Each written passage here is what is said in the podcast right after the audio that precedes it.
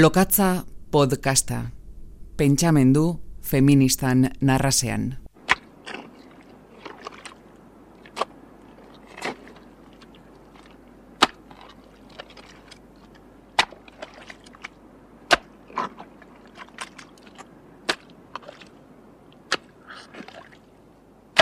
Botere gabeziara azal eta mami ohitutako kreaturak gara. Simon de Beauvoirrek zioen bezala, gorputza ahalkez sufritzeko patuari arramazka bizigara emakumeok. Askotan ez dugu ez botererik eta ez indarrik nahi izaten ez da zapaltzen gaituztenen gandik defendatzeko ere. Zampabide perfektua da.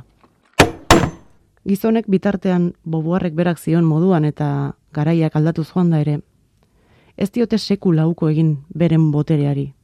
Ez gogor eskatu zaienean eta ez pedagogia goxua egin zaienean ere. Zeren elkar hartuta, anaidi goxoan, beraiek dira beti emakumeen nagusiak, lur emankorraren jabe diren bezalaxe. Gure esku, buru, utero, zulo eta gainerako, oraindik ere besteren zerbitzuko fabrika. Eta oraindik ere aditu behar gainera Euskal Matriarka boteretsuen mitoa. Eta oraindik xautu behar hain eskastua dugun indarra eta denbora mitoak gezurtatzen, gure kondizioa esplikatu nahian, betikoek horixe eta mundua bera ere esplikatzen jarraitzen duten bitartean. Esan ez besteak beste, baditugula emakumeok boteretxo batzuk, azeriak garela.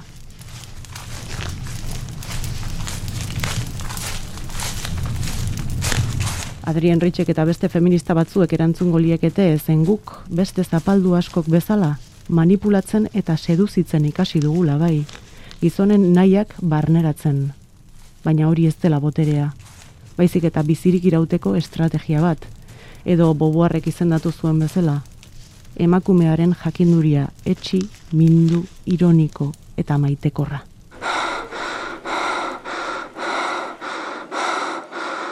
Eta pontekoen onespena bilatzera kondenatuak eskerronez identifikatu gara boterea miniak ematen omen dizkiguten gizonekin hauzitan jarri gabe nolatan eta zergatik dauden boterea emateko posizioan. Eta azpijoko klasiko horri, ara non gehitu zaion orain, berdintasunaren ispilukeriaren perbertsioa. Eta betidanik gu botere gabetzeko erabili diren bideetatik boteretzeko aldarriak. Norbanako bakoitzaren ustezko libertatearen izenean. Naiz eta Carol Peitmanek dioen bezala, mundu injustu eta desorekatu batean, ezin den egin, botere dunen eta botere gabeen arteko kontratu injustu eta desorekatuak baino.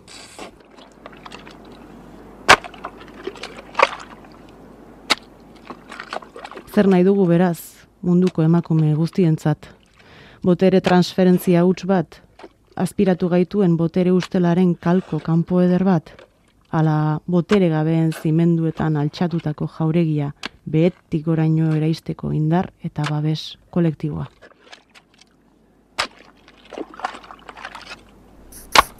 Maialen Berasategi.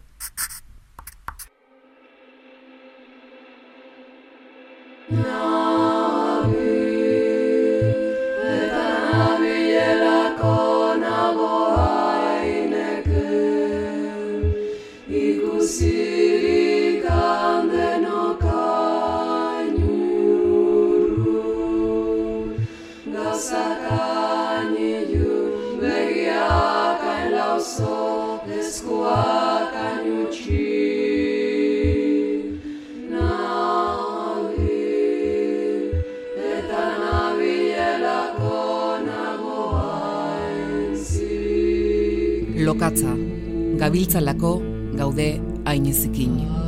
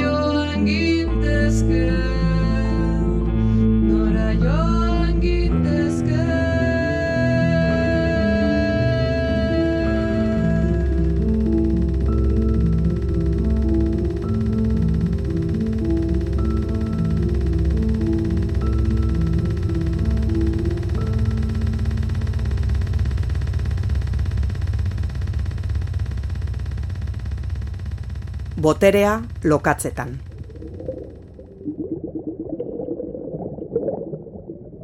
Baziren behin bi arraingazte, pasieran zebiltzala arrain zaharrago batekin topo egin zutenak bapatean.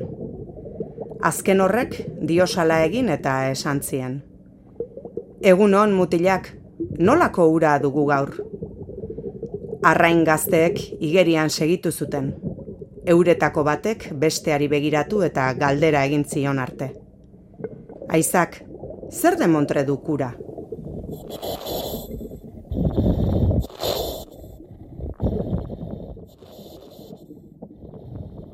Zakatzik gabeak primeran daki zer den ura. Beharko jakin. Urazpian arnasa hartzeko gaitasuna daukana aldiz, erraz bizi daiteke inguratzen duen masa likidoaren kontzientzia hartu gabe. Gauza bera esan daiteke baita ere, denon egunerokoan itsasoa zeharkatzen duen botereari buruz ere. Zer demontre da boterea baina?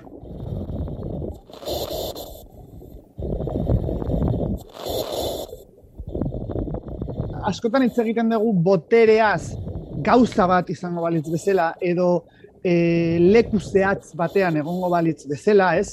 Eta nik uste dut erabilgarriagoa dela e, boterea ulertzea edo boterean pentsatzea harreman moduan. E, kasu honetan noski mm, harreman egituratu moduan, ez? Botere guneta hitz egiten baldin badegu, hau da, kontzeptua lurreratzea eta ulertzea boterea egituratzaile eta egituratu moduan. Jule Goikotxea filosofo eta unibertsitateko irakaslea, boterearen definizioari ezkatak aldatu nahian. E, bueno, e, boterea errepresiboa izan daitekeela, baina baita ere e, sortzailea eta produktiboa izan daitekeela, zergatik ez delako gauza bat, baizik eta harreman bat, eta beraz, segun eta harreman horren kontekstua, e, ba orduan izan daiteke e, berdintasunezko botere harreman bat edo menderakuntzan oinarritutako e, botere harreman bat. Boterea non dagoen e, erantzuterakoan e, leku guztietan erantzungo nuke. E, bai, nik ez dut boterea e, erlazionatzen gobernuarekin edo parlamentuarekin edo e, bankuekin. Hori en todo caso dira e, boteregune egituratuenak, ez? Alegia sistema, menderakuntza sistema desberdinetan botere batzuk egituratuagoak daude eta beraz hoiek dira irabazten dutenak. Botere gehien ez, kalean diogun moduan, botere gehien metatzen dituztenak. Eta orduan zentzu horretan, hombre, ba, e, sistema patriarkal, kapitalista eta kolonial batean, e, ondo dakigu boterea nun pilatzen den eta non egituratzen den, ezta?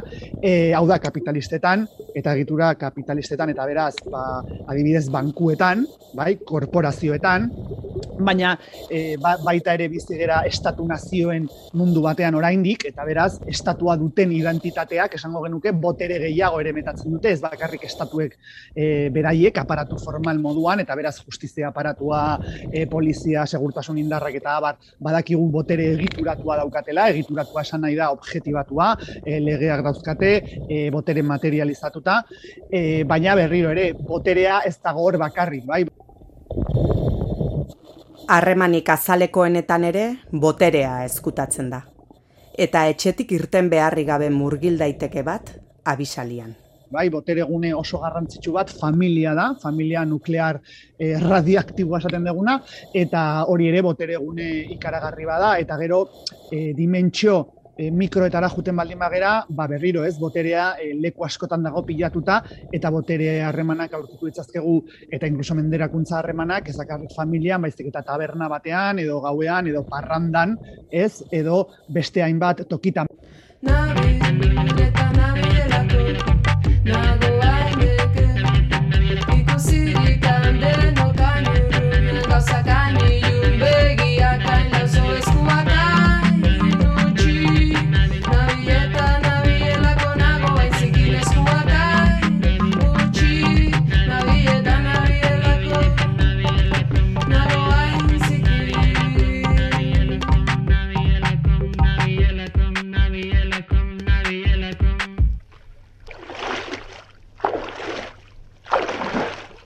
Boterearen kolorea. Azalaren koloreak ez. Boterearen koloreak du erabakitzen. Arrazakeria indarkeriaren aurpegi zurbila da. Alemanian berriz zabalduz doana. Ego Afrikan beti ere gordin ageri dena. Boterearen kolorez dituzte Ego Afrikako imigranteek beren buruak Afrikar izendatzen, eta biztan lebeltzak etorritako bantutzat hartzen. Kolore berberaz dituzte estatu batuetako imigranteek beren buruak Amerikartzat agertzen, eta egiazko Amerikarrak indiartzat jotzen. Azalaren koloreak ez. Boterearen koloreak du bizitzaren alde ala kontra erabakitzen. Mai hagin.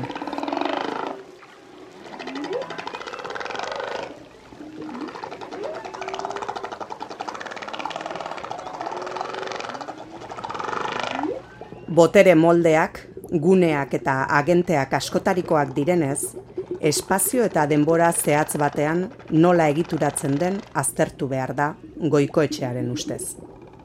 Olatuak irakurtzen ikasi, alegia, baita baleen berbaroa ere. demokratizazioa hitz egiten detenean, e, boterea banatzeaz baino, ni arenaiz e, askotan, eta hor ere galderan badago, ez da gaitasun en inguruan hitz egiten dut, ez alegia ze gaitasun e, mota eduki behar ditugun, hain zuzen ere, e, boteretze prozesuak emateko.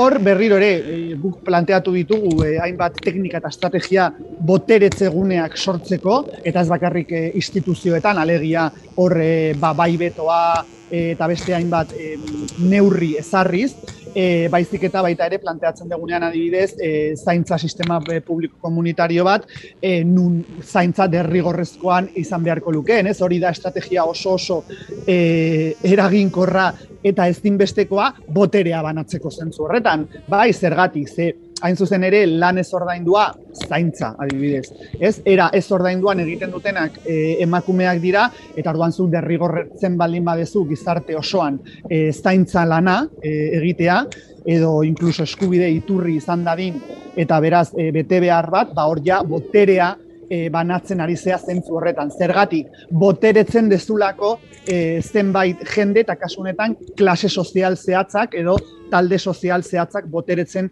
dituzulako. Boteretze prozesuak sustatzeko korronte horretan, bi dimentsio gurutzatzen dira.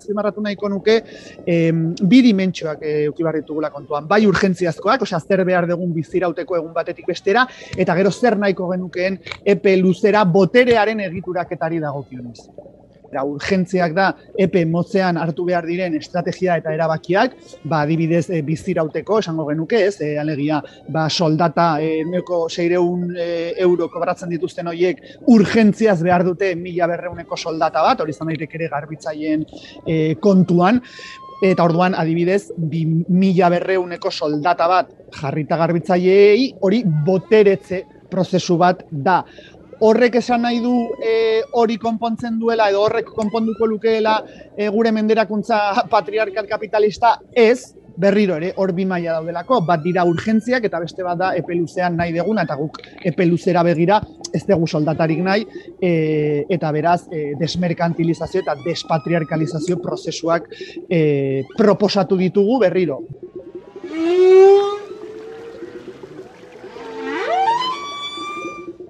Ara hor bada, generoa eta boterea txirikordatzean sortzen den ubera. Ezin agertu gabe egon, hainbesteraino dira sakon itsaso horretako aranak. Argi dago, e, kasunetan gu e, berriro ere ez patriarkatu kapitalista kolonialista batean bizigedalarik e, sistema patriarkalean dagoen botere egituratuena eta beraz, zentzorretan, botere txuena da e, botere maskulinoa, ez? Hau da, botere maskulinoaren materializazioa, izan e, kolonialki, izan e, kapitalista, oza, era kapitalistan, ez? Merkentalizazioaren e, bidez. Botere maskulinoa edo patriarkatua izenak e, berak esaten du hori, hau da, zen olako formatu, tonu, dimentsio eta mm, kolore ez, eta bentxitate daukan gure egungo e, botere edo botere nagusiek. Ur horiek ere jakina nahasiak dira. Egal luzeak, egal laburrak, ezpata zerra zein mailu muturrak, arantzak eta amuak, pozoia, tinta iluna, Estrategia asko garatu dira sakoneko presiopean irauna alizateko. Eta menderatua, menderatzailearen kolaboratzaile bihurtu da sarritan. Eta hori da arazoetariko bat, patriarkatuan. Bueno, eta sistema, menderakuntza sistema guztietan, eta da, hau bobuak ere esaten zuen, e, eta da, menderatuen kolaborazioa, ez? Menderatuak, eta hau espibak eta hauek ere esaten dute, subalternoen e, diskurtso falta, ez? Alegia, subalternitatetik hitz egiteak, esan nahi du askotan, zure, e, bueno, jabearen, edo nagusiaren diskurtsoa erabili behar dezula, hain zuzen ere zerbait izateko, nor izateko, ez? Eta berdin da desioarekin, alegia, gizartearen gehiengoak desio du e, sistema politiko zehatz batek e, ezartzen dituen egitura hoiek, kasu honetan familia, ez? Eta orduan desioa da aldatu behar dena eta ez bakarrik e, botere egiturak, baizik eta zenolako erlazioa dagoen subjetibazio edo identitate e, zehatz batzuen artean egitura objektibo batzuekiko. Kasu honetan adibidez emakumen subjetibazioan, identitatean oinarrizkoa da familia eta bikotea eta semealabak eta beraz subjetibazio hori aldatu behar da gero objektiboki, bai sozialki, familiaren egitura adibidez aldatzeko familia patriarkalaren egitura.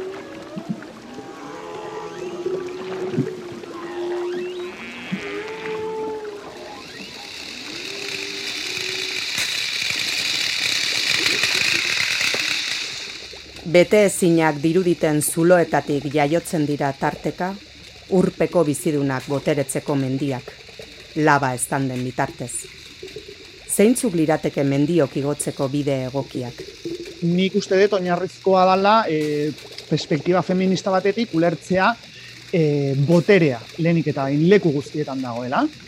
Boterea lehen esan detena e, produktiboa da, ez bakarri represiboa, botereak ematen duena da ahalmena eta gaitasuna, eta guk ahalmena eta gaitasuna behar dugu, ez bakarrik edateko, irakurtzeko eta erabakiak hartzeko, e, ez baizik eta berriro ere emantzipazio prozesuak martxan jartzeko.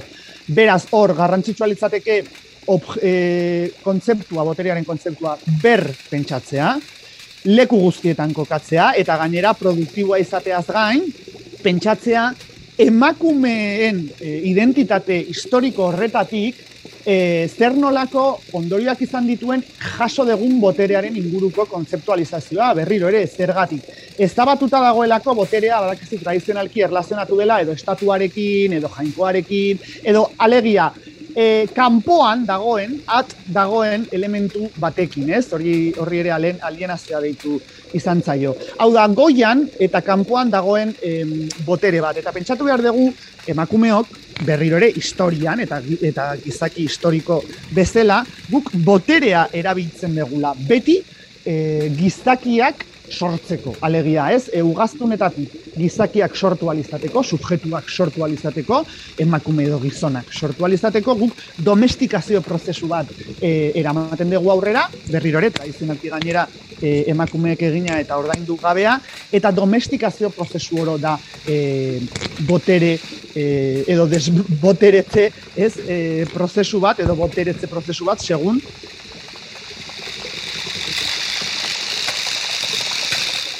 domestikatzeko boterea. Kontzeptu gakoa boteretzearen tiraina ulertua alizateko. Baina berriro ere domestikazioaren perspektibatik e, ulertzen hasi behar dugu boterea, zergatik? Ze berriro ere ez bakarrik emakumeek izan dugun posizioagatik domestikazioan eta gizakiak sortzerakoan, hau da, zenolako botereak erabili ditugun, ez? Gaitasunak eta almenak erabili ditugun gizaki horiek sortzeko, baina baita ere berriro e, guk e, kasu honetan e, determinatzeko nahi baldin bada zer esan nahi dugun boterearekin edo zer e, esan beharko lukeen botere kontzeptuak. Berriro ere ze bestela oso e, bueno, e, produ, kategoria produkzioak oso maskulinoak izan direnez berriro ere boterea beti jarri da hor nun bai, edo estatuan, edo patriarkan, edo polizian, hor nun bait kanpoan, eta emakumeko sonda dakigu boterea barrutik datorrela, e, berriro ere gure gune intimoenak, azteko familia, botere gune e, nahiko bortitzak izan direlako. Beraz, berriro, e, perspektiba feminista batetik, gorputzarekin ere lotu behar dugu e, boterea, domestikazio prozesuekin, eta berriro gaitasunarekin eta almenarekin, eta ez e, bakarrik e, errepresioarekin eta kanpotik datorren maltzur e, bat izango balitz bezala, ez?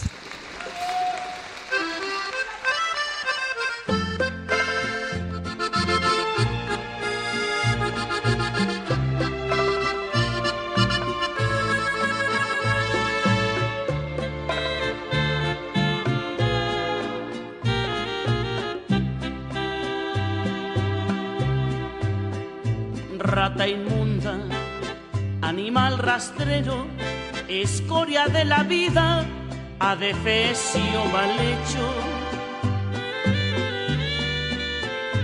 Infrahumano, espectro del infierno, maldita sabandija, cuánto daño me has hecho.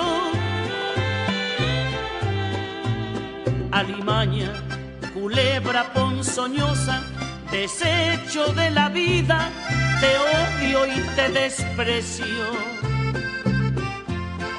Rata de dos patas, te estoy hablando a ti, porque un bicho rastrero, aun siendo el más maldito, comparado contigo, se queda muy chiquito maldita sanguijuela,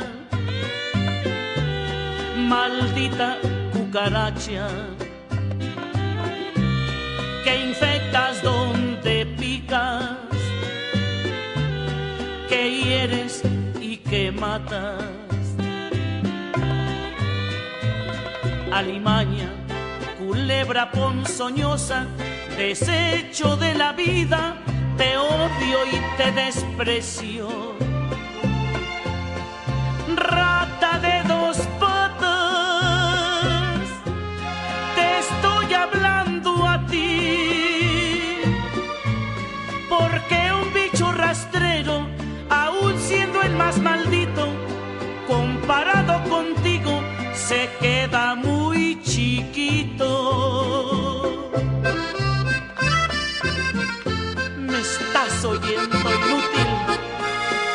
Llena del infierno, cuánto te odio y te desprecio. Lokatza, gabiltzalako gaude ainezikin.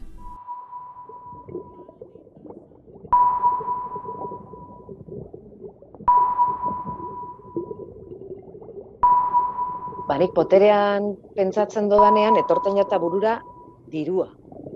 Dirua uste dut horrek e, mugitzen dauela gaur egun gure mundua, ezta? Eta eta gure gizartea e, kapitala e, hor dago boterea.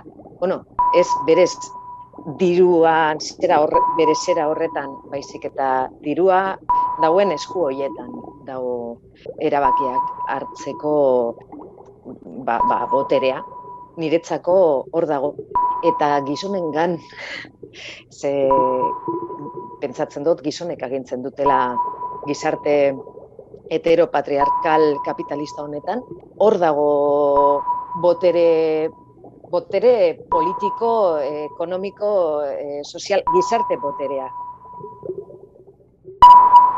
Gero botere hitza oso malgutasun handia du, ezta? Ze berez boterearen esangura gaitasuna da, ahalmena. Ez dakit guztiok dekogu gaitasun hori barnean, ez da? Baina, bueno, hor, zentzu orokorrean, boterean pentsatzen dudanean hori datorkit burura.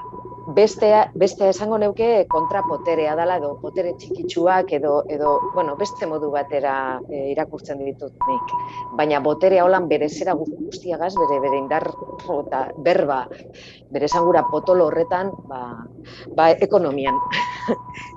Itziarrituño aktorea, botere uka ezina duen ikusentzunezkoen bere itxasotik. Ba, batzutan horren beste jarraitzaile, horren beste begi ganean e, izateak eta fokopean egote horrek, bai sentiarazten zaitu, ez da boteretsu, ze, bai, zentzu baten bai, bai, badaukazula esaten dozunean zeo zer, ba, pisu berezi bat edo jartzun e, handiago bat, ezta? Hori holanda. Influencer etiketa jarria diote. Ospearen sonarrak planetako zoko guztietan lokalizatu dizkiolako jarraitzaileak. Instagramen zehazki, laukoma sortzi milioi. Ni beti iritziak esatearen aldekoa izan naz, enaz e, inoz e, izkutuan ibili, bai e, argita garbi, ba, bueno, ba, ba, gizarte hau edo, edo e, txiringito hau aldatu izateko, zentzu baten, obera, hobetzeko. Baina kontu handiz, ibili behar dela erakutsi dit bizitzak, orain, esaten dan influencer potere horregaz, ze ez dakit, egoarekin be zerikusia handia du, eta besten e, bizitzetan olango mm, influentzia, olako potere izatea, pentsatzen dut ez dela komenigarria. E, horre, norberaren ego inposatzen dalako. Eta nire ikuspegia danez, ba, ba, danok garela eh, bardinak, ba, bueno, ba, kontua handiz ibiltenaz. Eiritziak e, botatzearen aldekoanaz eta kontrapoderearen aldekoa beti izangonaz, baina ostras, saiatzenaz gehiegi ez erabiltzen botere hori edo posgorailu hori, ez dut pentsetan botere handiko pertsona ez, nazenik ez dut nire burua ikusten. Nola bizi du hori guztia ituñok, baina? Ez dakit. Eh, bizitzak ipini nau, e, egoera niretzako oso eroso ez da egoera honetan, baina, bueno, hortzen abil, e, aber, e, zelan, zelan egin, zelan funtzionatu, ze, ze erabakiak hartu, baina, bueno, saiatzen, ba, nire lekuan egoten, neure botere arloa defendatzen hori bai, guztiok dekogulako, pertsona guztiok edo izan behar genukelako, eta emakume moduan bebai, baina, bueno, saiatu barik, ba, gehiegi, influenzia gehiegi ez izaten, ez dut guztoko hori. E, e gustaten jata gehiago norberaren askatasuna, eta, eta hori asko respetatzen dut.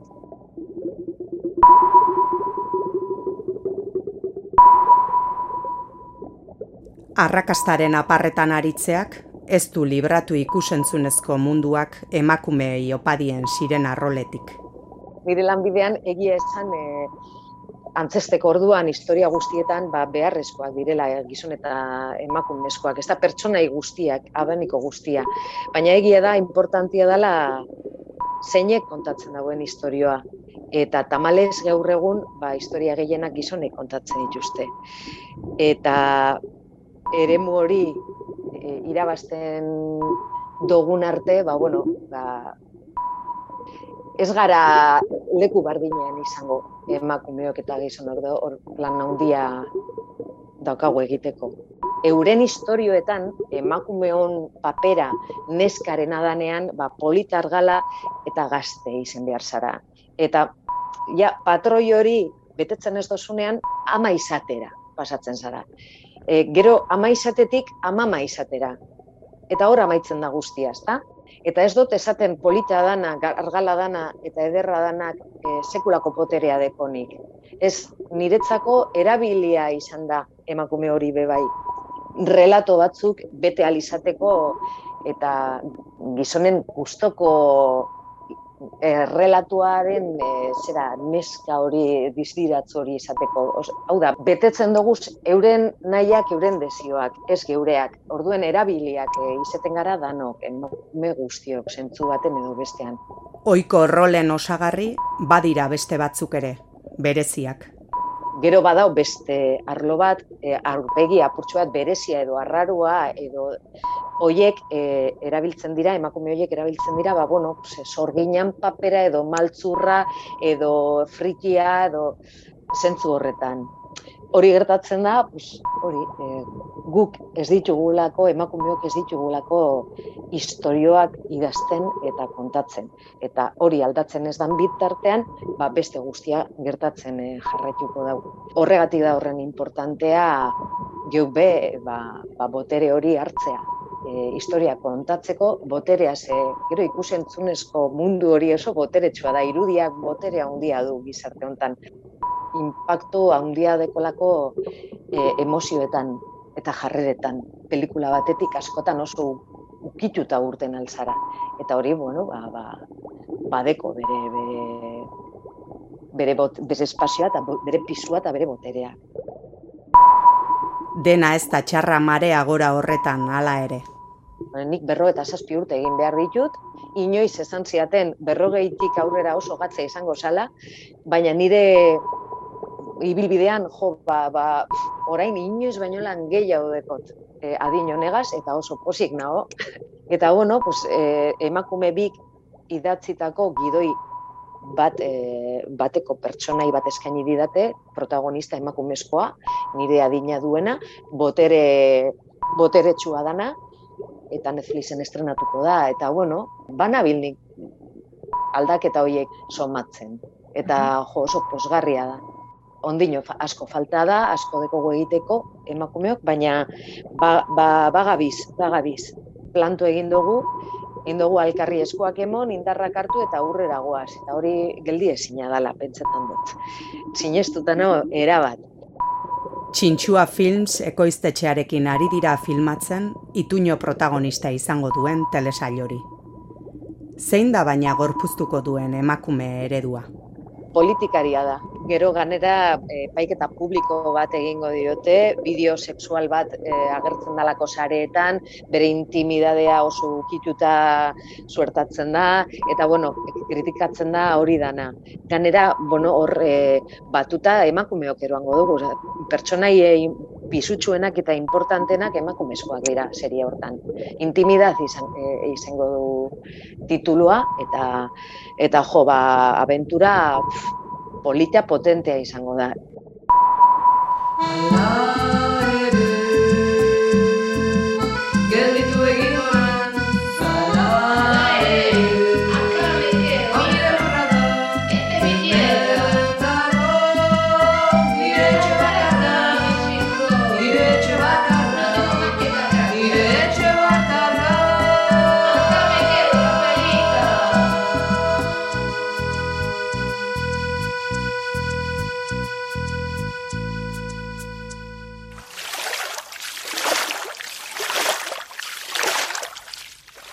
Jaka arriskutsuak. Buruargiren batek esan zuen behin, emakumei ez zitzaiela patrikarik onartuko, mobilizazioa ekarriko luken sedizioa izatzeko panfletoen gordailu bihurtuko bazituzten. Hitz arrandiatxua benetan, zuretzat eta enetzat, zentzunerako, justiziarako, ontasunerako, berdintasunerako. Az zaitezte josten beraz, Andreok, patrikaz eta sedizioz egindako jaka arriskutsuak. Sharon Owen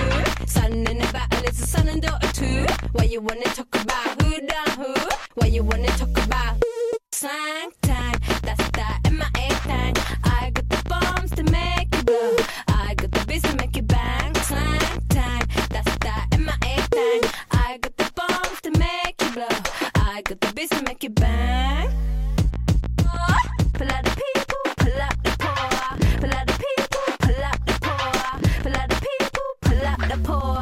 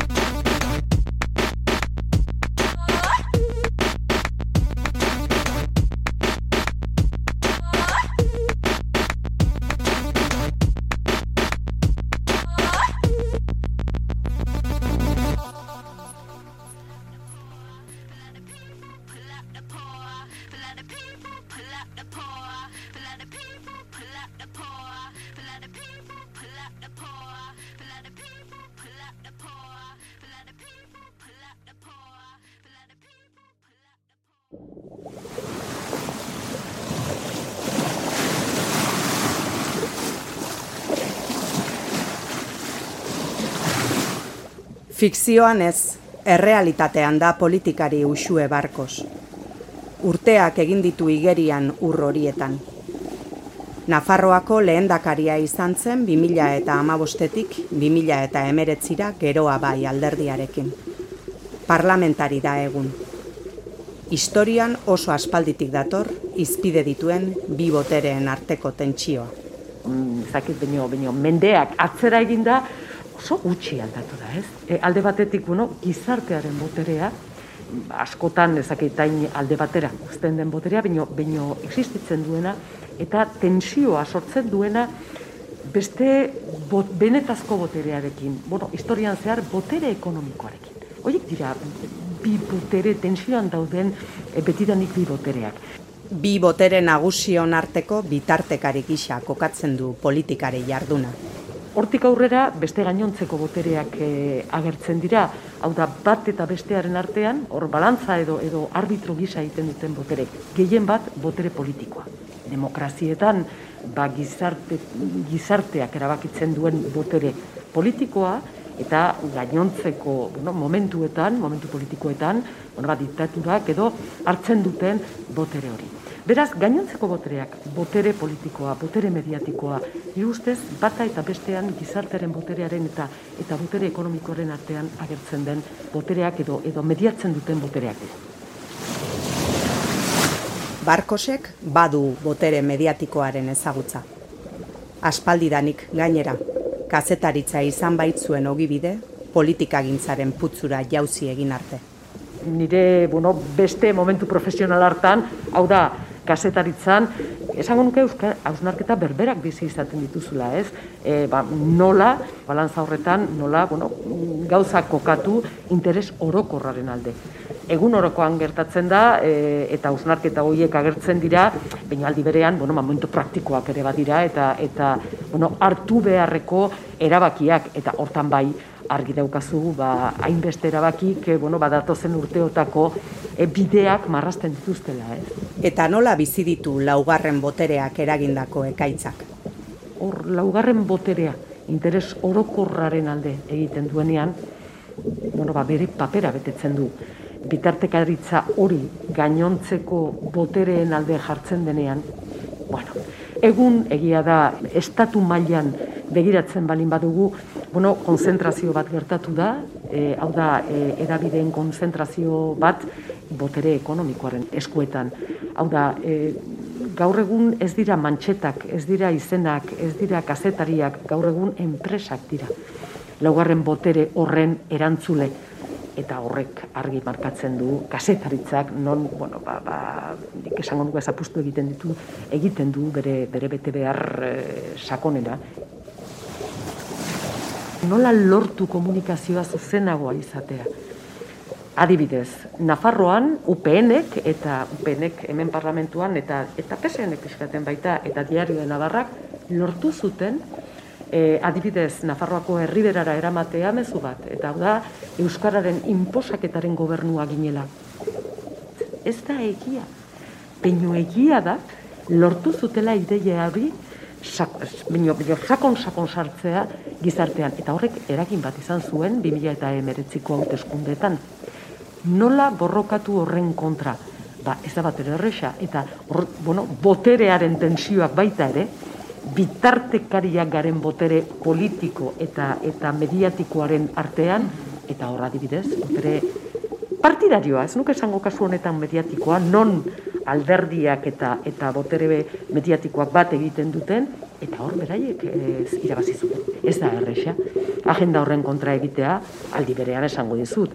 Askotan, askotan ere, bueno, historian bauzkagu, bueno, ba, ba, zenbait eh, momentu historikoak ere non botere medioketikoak lortzen du e, botere politikoa bueno, bere, bere onera edo, edo interes orokorraren eskenatokira ekartzea.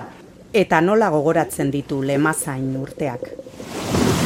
Bueno, egun asko zeren lasaiago bizi naizela, Beino, beino errepikatuko nukela, esango nuke dudarik gabe gainera, naiz eta momentu oso zailak izan, orokorrean, nik eh, irakurketa positibo bat eh, egingo nuke, momentu zailak eh, oso erresa zen ikustea, nondik, haien nondik norakoak oso, oso erresa zen ikustea, baino aldi berean, boterearen erresistentzia.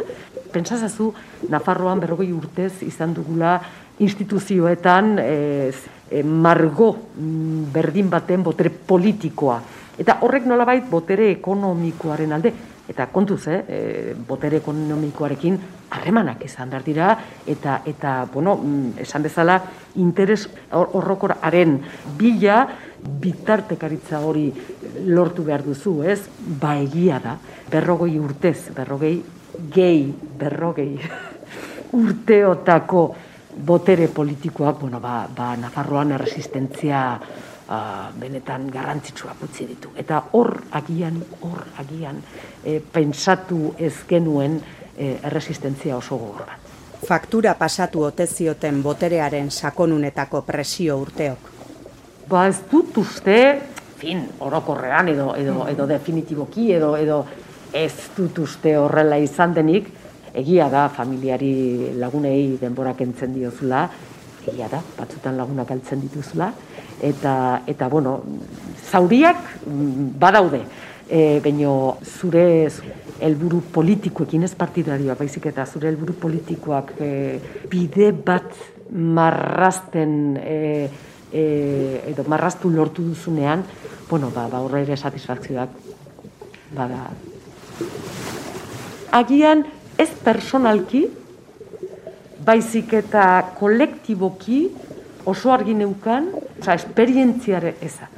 Nafarroan berrogei urtez, botere instituzionala, botere politikoa, esku batzuetan izan da, gehi beste berrogei urte, hau da, frankismoaren e, garaian izan, tira, e, izan ziren, diputazioan izan ziren agintariek, oso argi neukan, e, momentu hartan, pasaren legealdian, Nafarroara gintozela, egun urtez, alako esperientzia bat izan ez dugunok. Beti esaten nun, dena ikasten da. Dena ikasiko dugu. Eta azkenian bakoitzak e, bere onena eta ezain onena ematen du. Baina administrazioa bere osotasunean, azken zarogei urteotan marrastutako administrazioa zen, ez? Eta hor ere resistenzia e, izan da. Eta emakume izateak baldintzatu ote zuen, baldintzatzen ote du bere jarduna. Kasetaritzatik nator eta nik nuke esango kasetaritza matxista dela. No, matxistak daude edo no. Baina nuke izango berez, kasetaritza, ez, ez, ez nuke esango, ez, ez, nik ez dut hori bizi izan naiz eta esan bezala, bai jarrerak badira, baina aldiz eh, botere politikoa eta eta politika intza oso matxista da. Lehenengo momentutik, lehenengo momentutik. Eta bai e, indar, eskuindarren artean, eta baita ezkartiarren artean. Emakumearen papera oso berria da politika gintzan, oso gaztea, eta eta oraindik mm, nabaritzen da pila bat.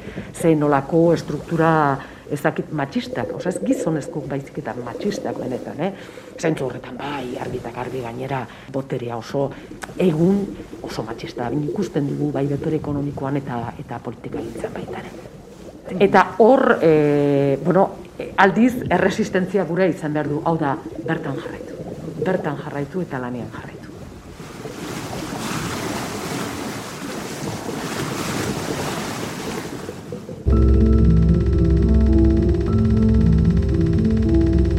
Lokatza, gabiltzalako gaude hain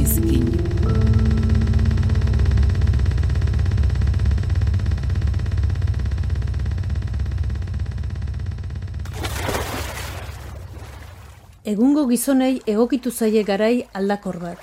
Zeinean, feminismoak eta berdintasunaren aldeko aldarriek indar hartu duten. Botere harreman batzuk mugitu diren, eta euren betiko rola kuestionatuta ikusi dute. Hor badaude gizonen erreakzio ezberdinak, eta horien artean bat da euren burua defendatzeko beharra ikusten dutenena. Not all men, ni ez naiz izan, ni ez naiz horrelakoa. Baina honen aurrean badago erantzuterik. Yes all women. Hau da, emakume guztiek bai pairatzen ditugula gizarte matxista baten ondorioa. Beraz, arazoa hor dago. Badakigu gizon guztiak ez direla bortxatzaileak. Gizon guztiek ez dietela tratu txarrik ematen emakumei, noski. Baina zuk, gizon, egiten alduzu zerbait egun dituzun privilegioak alde batera usteko? Egiten alduzu zerbait zure txikian, emakumeen giza eskubideak urratzen dituen inertzia matxista hau geldiarazteko? Galdetu aldiozu zeure buruari zintzoki, nondik begiratzen diezun emakumeei? Carmele Jaio. Erori ba naiz ere gorantz erori naiz Nola ura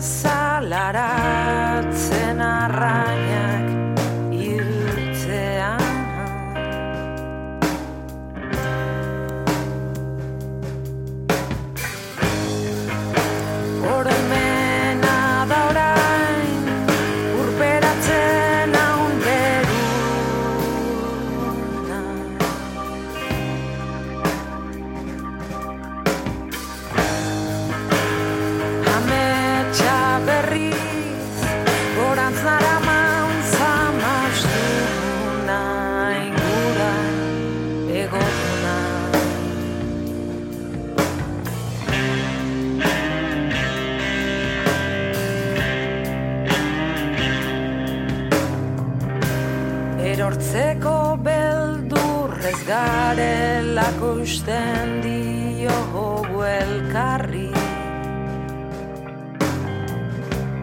Oinez ikasi orduko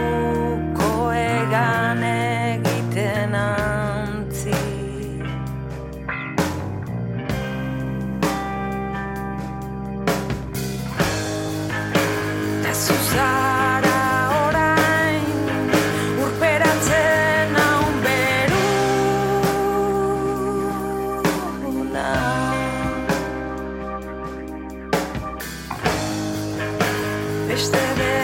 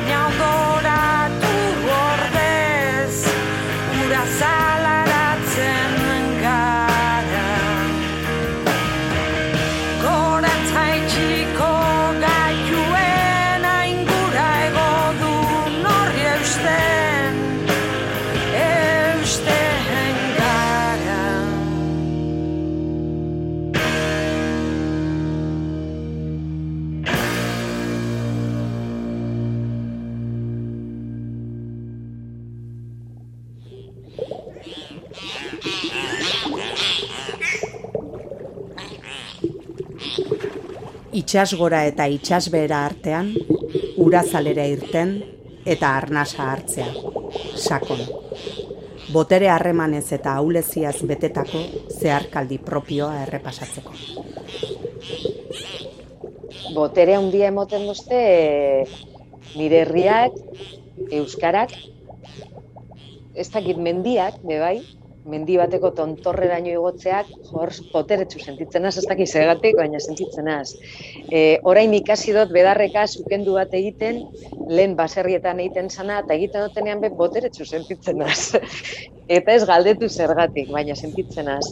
Boteretsu sentitzen az, e, zenil pertsona oso lotxatian az, ba, eszenatoki bat zapaltzen dudan bakoitzean, antzeslan bat egiteko asmoz, hor badekote barruan, e, ostras, gatazka hori, bildur eta ahalmen zera hori eta bildur hori gainditzeak, ba, bueno, boteretsu sentiarazten dau. Emakume izateak be, botere, ez dakit, e, boteretsu sentiarazten dau, bai. Kontrara, niri nire kasuan jo, baztertua sentitzeak. Sentiarazten hau oso ahul, batez ere maite dozun e, jendearen gandik etorten danean hori, e, akaso, igual ez da bazterkeri, bazterkeri, bai, sentimenduak, e, ostras, e, honek ez dakit, e, ez dit kasurik egiten edo emoten duen nigaz e, aserratu dal, dala edo hurbileko jendearen partez sentitzen dutenean e, urruntasun e, hori horrek sentiarazten nau aul, aulezia handia sortzen dozte horrek, bai. Eta bueno, eta bildurra, be bai. Itziarrituñoren ondoan, Uxue Barkosen txanda. Dudarik gabe, bizitzak, bueno, gauzak larri estu edo edo zailak jarri dizkidanean eta dizkidan bakoitzean nik uste batzutan hobeto beste batzutan baino aurre egin dio dela. Horretan bai sentitzen naiz boteretsu. Horretan bai. Eta gainera, bueno, urte batzuk izan dira zailak benetan. Ja, tratamendu gogorrak dira, jo bat bestetik atzetik, eta ez minbizia, baino bai, bueno, haren eraginez, haren ondorioz, tratamenduaren eraginez, jo, sabiz izan dut, hortan bai sentitzen naiz boteretsu, e, eta baita, onartzen dudanean, badela ere momentua, e, negar egiteko, deskansatzeko, esateko nekatuta nago eta behar dut, eta indarrak berriro hartzeko, oza, behar dut, uah, hortan bai. A ber, onartu indarrarekin bizitzeak ez dela egunerokoan indartsua agertzea. Baizik eta ulertzea zenbaitetan hautasun momentuak indarrez bizi izan behar direla. Gizonezkoek egiten, eza, indarraren inguru, boterea, indarra, eh, ez dakit, eh, marrazten duten, eh, bueno, ba, ba, ba, hori egiten duten marrazkia, nik ez dut konpartitzen. Hauxe Jule Goikoetxearen bizipena. Aula ez naiz inoiz e, sentitu. Ahultasuna ere kasu honetan eta ba, gizarte honi dagokionez ez dauzkadalako auleziak kontsideratzen diren ezaugarri horiek oso markatuak, bale? eta orduan egia da e, nik errezagoa izan detela ez nautelako ere sentitu arazi ahul, e, gehienez ere igual emakume izateagatik, baina hori ere ez deten ez ondo gorpuztu, pues ez da, ez da oso efektiboa izan, eta orduan berriro ere ahultasunarekin em, gehiago ahul sentitzerakoan kolektibo baten parte bezala e, ulertzen dut hori, ez? Bai, e, euskaldun moduan, emakume moduan, edo langile moduan, e, ez horren beste e, jule bezala. Ni boteretsu sentitu izan naiz begira, manifestazioetan adibidez. E, beraz, ekintza kolektiboetan, hau da, jende askorekin, e, batera egon naizen gune hoietan sentitu izan naiz boteretsu, baina ez ni pertsonalki nunbait, ni bakarrik. Baizik eta beti kolektibo baten parte bezala eta beraz sentsazioa zen jo ez ze boteretsu e, gauden momentu honetan, ez? Edo ze boteretsuak geran. Ba, chaval, a ver, es que ni... Eh, es que niri gertatzen zait, a ver, indaituko zaizue frikada bat, baina niri gertatzen zait, enaizela inoiz boteretsu sentitu.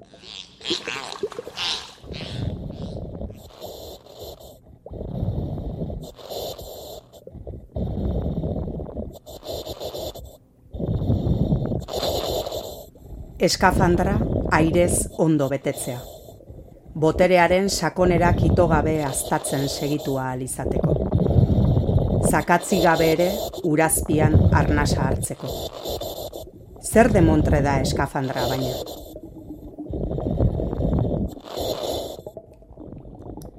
Historiak erakutsi digu, Gizonek izan dituztela beti botere konkretu guztiak. Patriarkatuaren lehenbiziko garaietatik, gizonek pentsatu izan dute baliagarria zitzaiela emakumea mendean edukitzea. Haien kodeak emakumearen kontra ezarri ziren. Alaxe bihurtu dute emakumea bestea, modu konkretu batean. Simon de Beauvoir, bigarren sexua.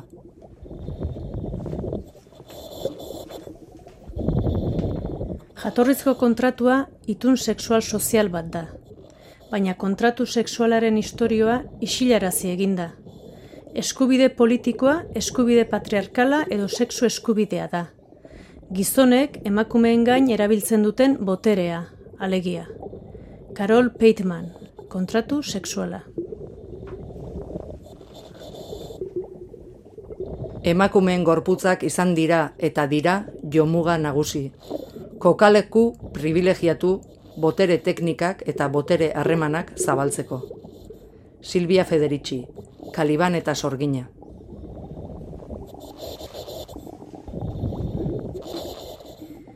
Lehen da bizi, galde egin behar da elkarrizketaren aukerak baldintzatzen eta mugatzen dituzten botere harremanen inguruan. Bestela arriskua dago, berriz jausteko elkarrizketaren eredu liberalean. Zeinetan jakintza jotzen den solaskideak botere posizio berdinetan daudela. Eta aurre suposizio berberen arabera ulertzen dutela, adostasuna eta batasuna zer den. Eta are gehiago, horiek direla lortu beharreko helburuak. Judith Butler, genero nasmendua.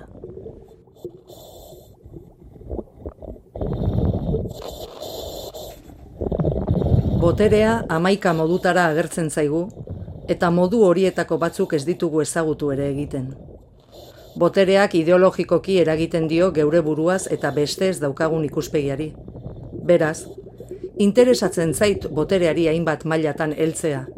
Ez bakarrik estatuaren mailan, baizik eta ikustea ea nola erreproduzitzen dugun guk geuk estatuaren boterea. Nola erreproduzitzen dugun guk geuk estatuaren botere zigortzailea gure harremanetan. Eta horrexegatik da hain garrantzitsua feminismoa. Ikusi behar dugulako nola mamitzen den boterea maila bakoitzean. Angela Davis, emakumeak, arraza eta klasea.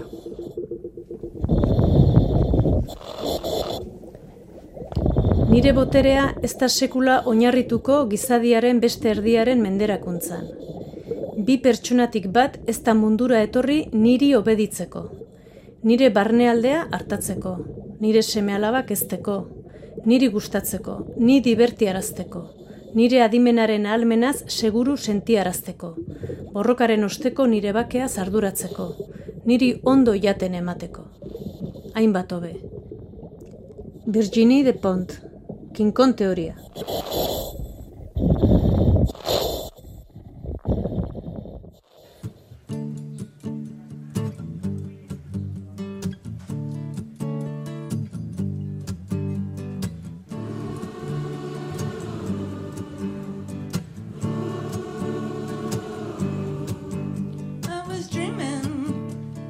Dreaming, well of an aspect bright and fair.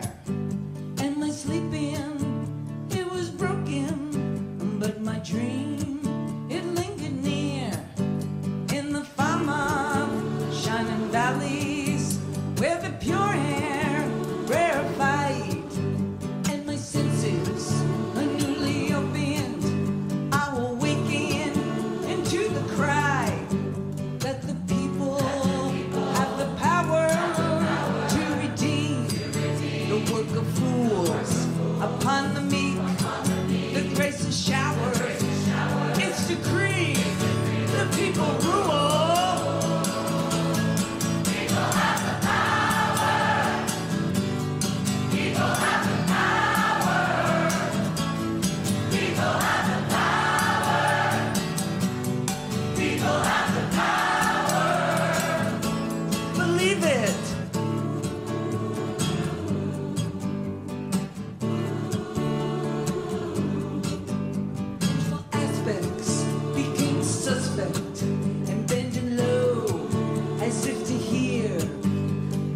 armies ceased advancing because the people had their ear and the shepherd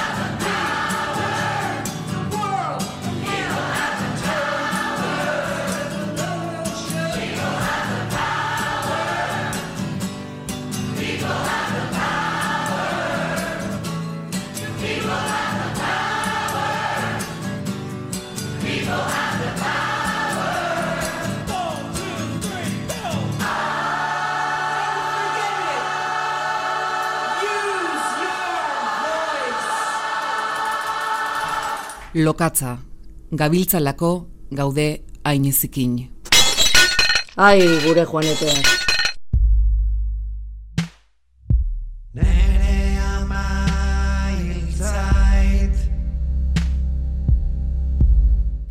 Gaztetan laboeren kantek betetzen zituzten maiz nire arratsalde ilunak.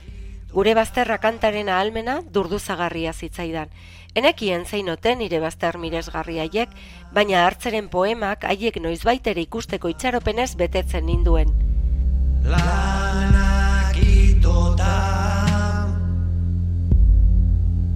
Nere ama hiltzait kantak ordea halako ezin egon bat sortzen zidan. Bada bertso horiek etorri zaizkit burura emakume gisa barnea inarrosi didan lan bati buruz gogo eta egiteko proposatu didatenean. Eta zertarako den bizitza jakin gabe hiltzen ama horren ondoan, kaleidoskopio bereko beste kristalak bailiran, lambro artean agertu zaizkit, saizar bitoriaren bi bihotz hilobi bat eleberriko emakumeak. Narratzailearen emazte maltzurra, amagina arreba zikiratzailea, maitale buru harina. Idazle biren luma trebek sorturiko emakume haiek nire baitan kirrinka egin zuten, eta iruditzen zait testuen bekaintasunak berak bihurtu zuela garratzago zimiko ura. Zeren poema urantzun, eta harrak barnean esaten zidan ulertzen nuela han bazela lanarekiko morrontzaren salaketa bat, baina etzela bidezkoa pentsatzea, ama eta izebaiek, lanaren lana zildakoek etzekitela zertarako den bizitza. Zertarako dan bizitza Jakitera iritsi gabe Izan ere, jakin nork daki zertarako den bizitza, eta harrak gero galdera bat susurlatzen zidan. Zergatik ez zeuden poema hartan, ama eta izebarekin batera, aita eta osaba, haiek ez zirelako lanez itota hil, haiek bazekitelako zertarako den bizitza, poetarena, ein batean, goitik beherako begirada urrikarri eta arrosko samarra iruditzen niri. Neure buruari galdetzen nion, ea ama eta izebaiek esote zuten bizitzaz eta bizitzaren zertarako ez ere jardunen. Lanean jardutean, lanean jarduteaz gain. Nere ama hil zait lanak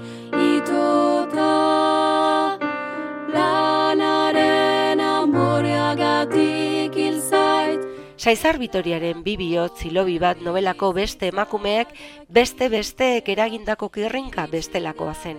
Emakume haiek gorrotagarriak zitzaizkidan, denak. Flora, emazte ilun eta ularkaitza etxeko ingeruaren ifrentzua, erresuminez betea, gizona ardeinatu zeten gabe, umeen faltan ama zaintzea poz bakar. Haren ama, narratzailearen amagina arreba mingostua, senarra ez- ezin esan ezko maneran zapaldu ondoren, arendako hilobi duin bat erosi beste bizi zertarakorik ez zuena.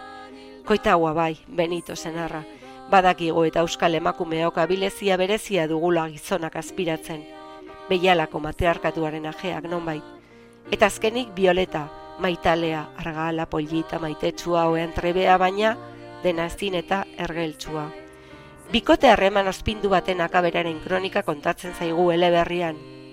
Gizon narratzailearen begiradaz, ironiaz eta sarkasmoz kontatu ere. Nola etzidan ba kontakizunak barnea astinduko, hornengoen ni, samurtasunez bat egiten, tolesez beteriko narratzaile patetikoarekin, norbanako zorigaiztokoarekin, haren begien bitarte so inez flora emazteari, amagin arrebari eta violeta maitaleari. Protagonistaren begien bitartez desiratuz, flora hil zedin, flora erail zezaten. Zeren gizonaren begien bitartez ezin emakume haiengan norbanakorik atzeman, besteanen arketipo hutsak baino ez. Baina zer diren gauzak eta zeinen pozgarriak batzuetan, orain jakin dut hartzek segida mantziola poemari, bere buruari galdetuz. Ezote zekien gure amak zertan ari zen. Eta poemak luzeago segitzen du, eta baliteke segida horrek ez izatea jatorrizko lerkiak bezain beste indar poetikorik, baina bada ama subjektu eta gizaki bihurtu nahi bator, eta ez goitik behera juzgatzeko begira da handi uste bat, eta hori bere xumean gustatzen niri. Eta zer diren gauzak eta zeinen pozgarriak batzuetan, orain jakin du Saizar Bitoriak martuten idatzi ondotik esan zuela, emakumeak, bai, pluralean, emakumeak ulertzen hasita dagoela berandu samar bada ere, eta gaurko euskal emakumeak interesgarriagoak iruditzen zaizkiola gaztetako mito erotiko frantsesak baino. Eta erraza izan zaiola emakumeen arteko harreman eta konplizitatei buruz idaztea. Eta otu zait, Saizar Vitoria, bi bihotz hilobi bat novelan, Floraren amarekin, izeni gabeko amaegin arreba petralarekin hasi zela emakumeak ulertzen. Izan ere, narratzaileak alako batean esaten digu, amagin arrebari bizipoza piztu zitzaiola, noiz eta alargundu ondoren adiskideekin irteten astean, eta orduan hasi zela bera, narratzailea, amagin arreba pertsona bezala ikusten lehen aldiz. Ama hil zitzaigun neguan, gure ama, egiazkoa, eta ez dakit jakin duen zertarako den bizitza, baina seguro dakit jakin izan duela zertarako izan den bere bizitza, eta bazter miresgarriak ikusi dituela bere baitan, eta jakin duela hil arte bizi bizi bizitzen, eta jakin duela bizi poza etengabe piztu dioten Andreskoen lagun arte eder bat eraikitzen, jakin duela subjektu eta norbanako izaten. Itziar Diez Deultzurrun.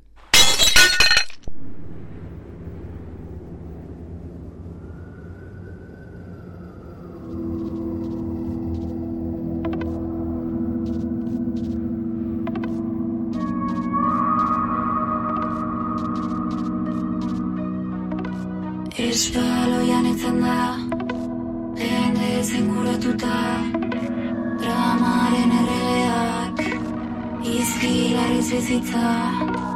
Dena ondo doala Ospatzeko beldurra Nire itxaron gelan Ame txekan kazora Esan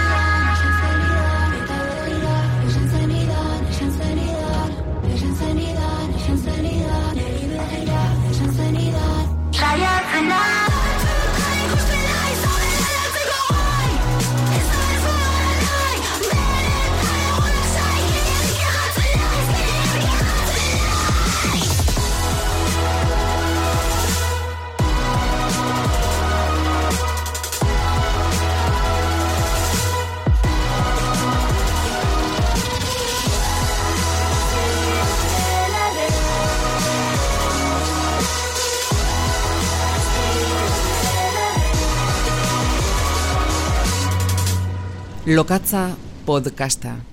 Pentsamendu feministan narrasean.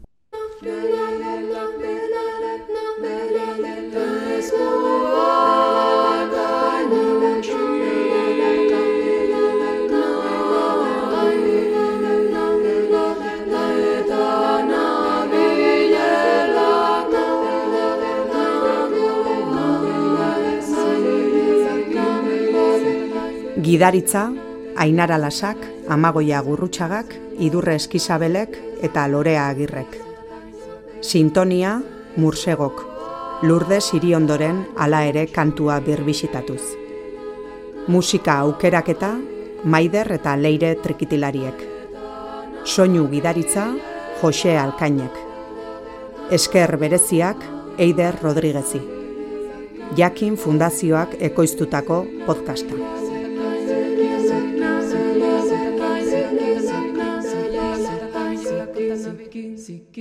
seeking, seeking, seeking, seeking.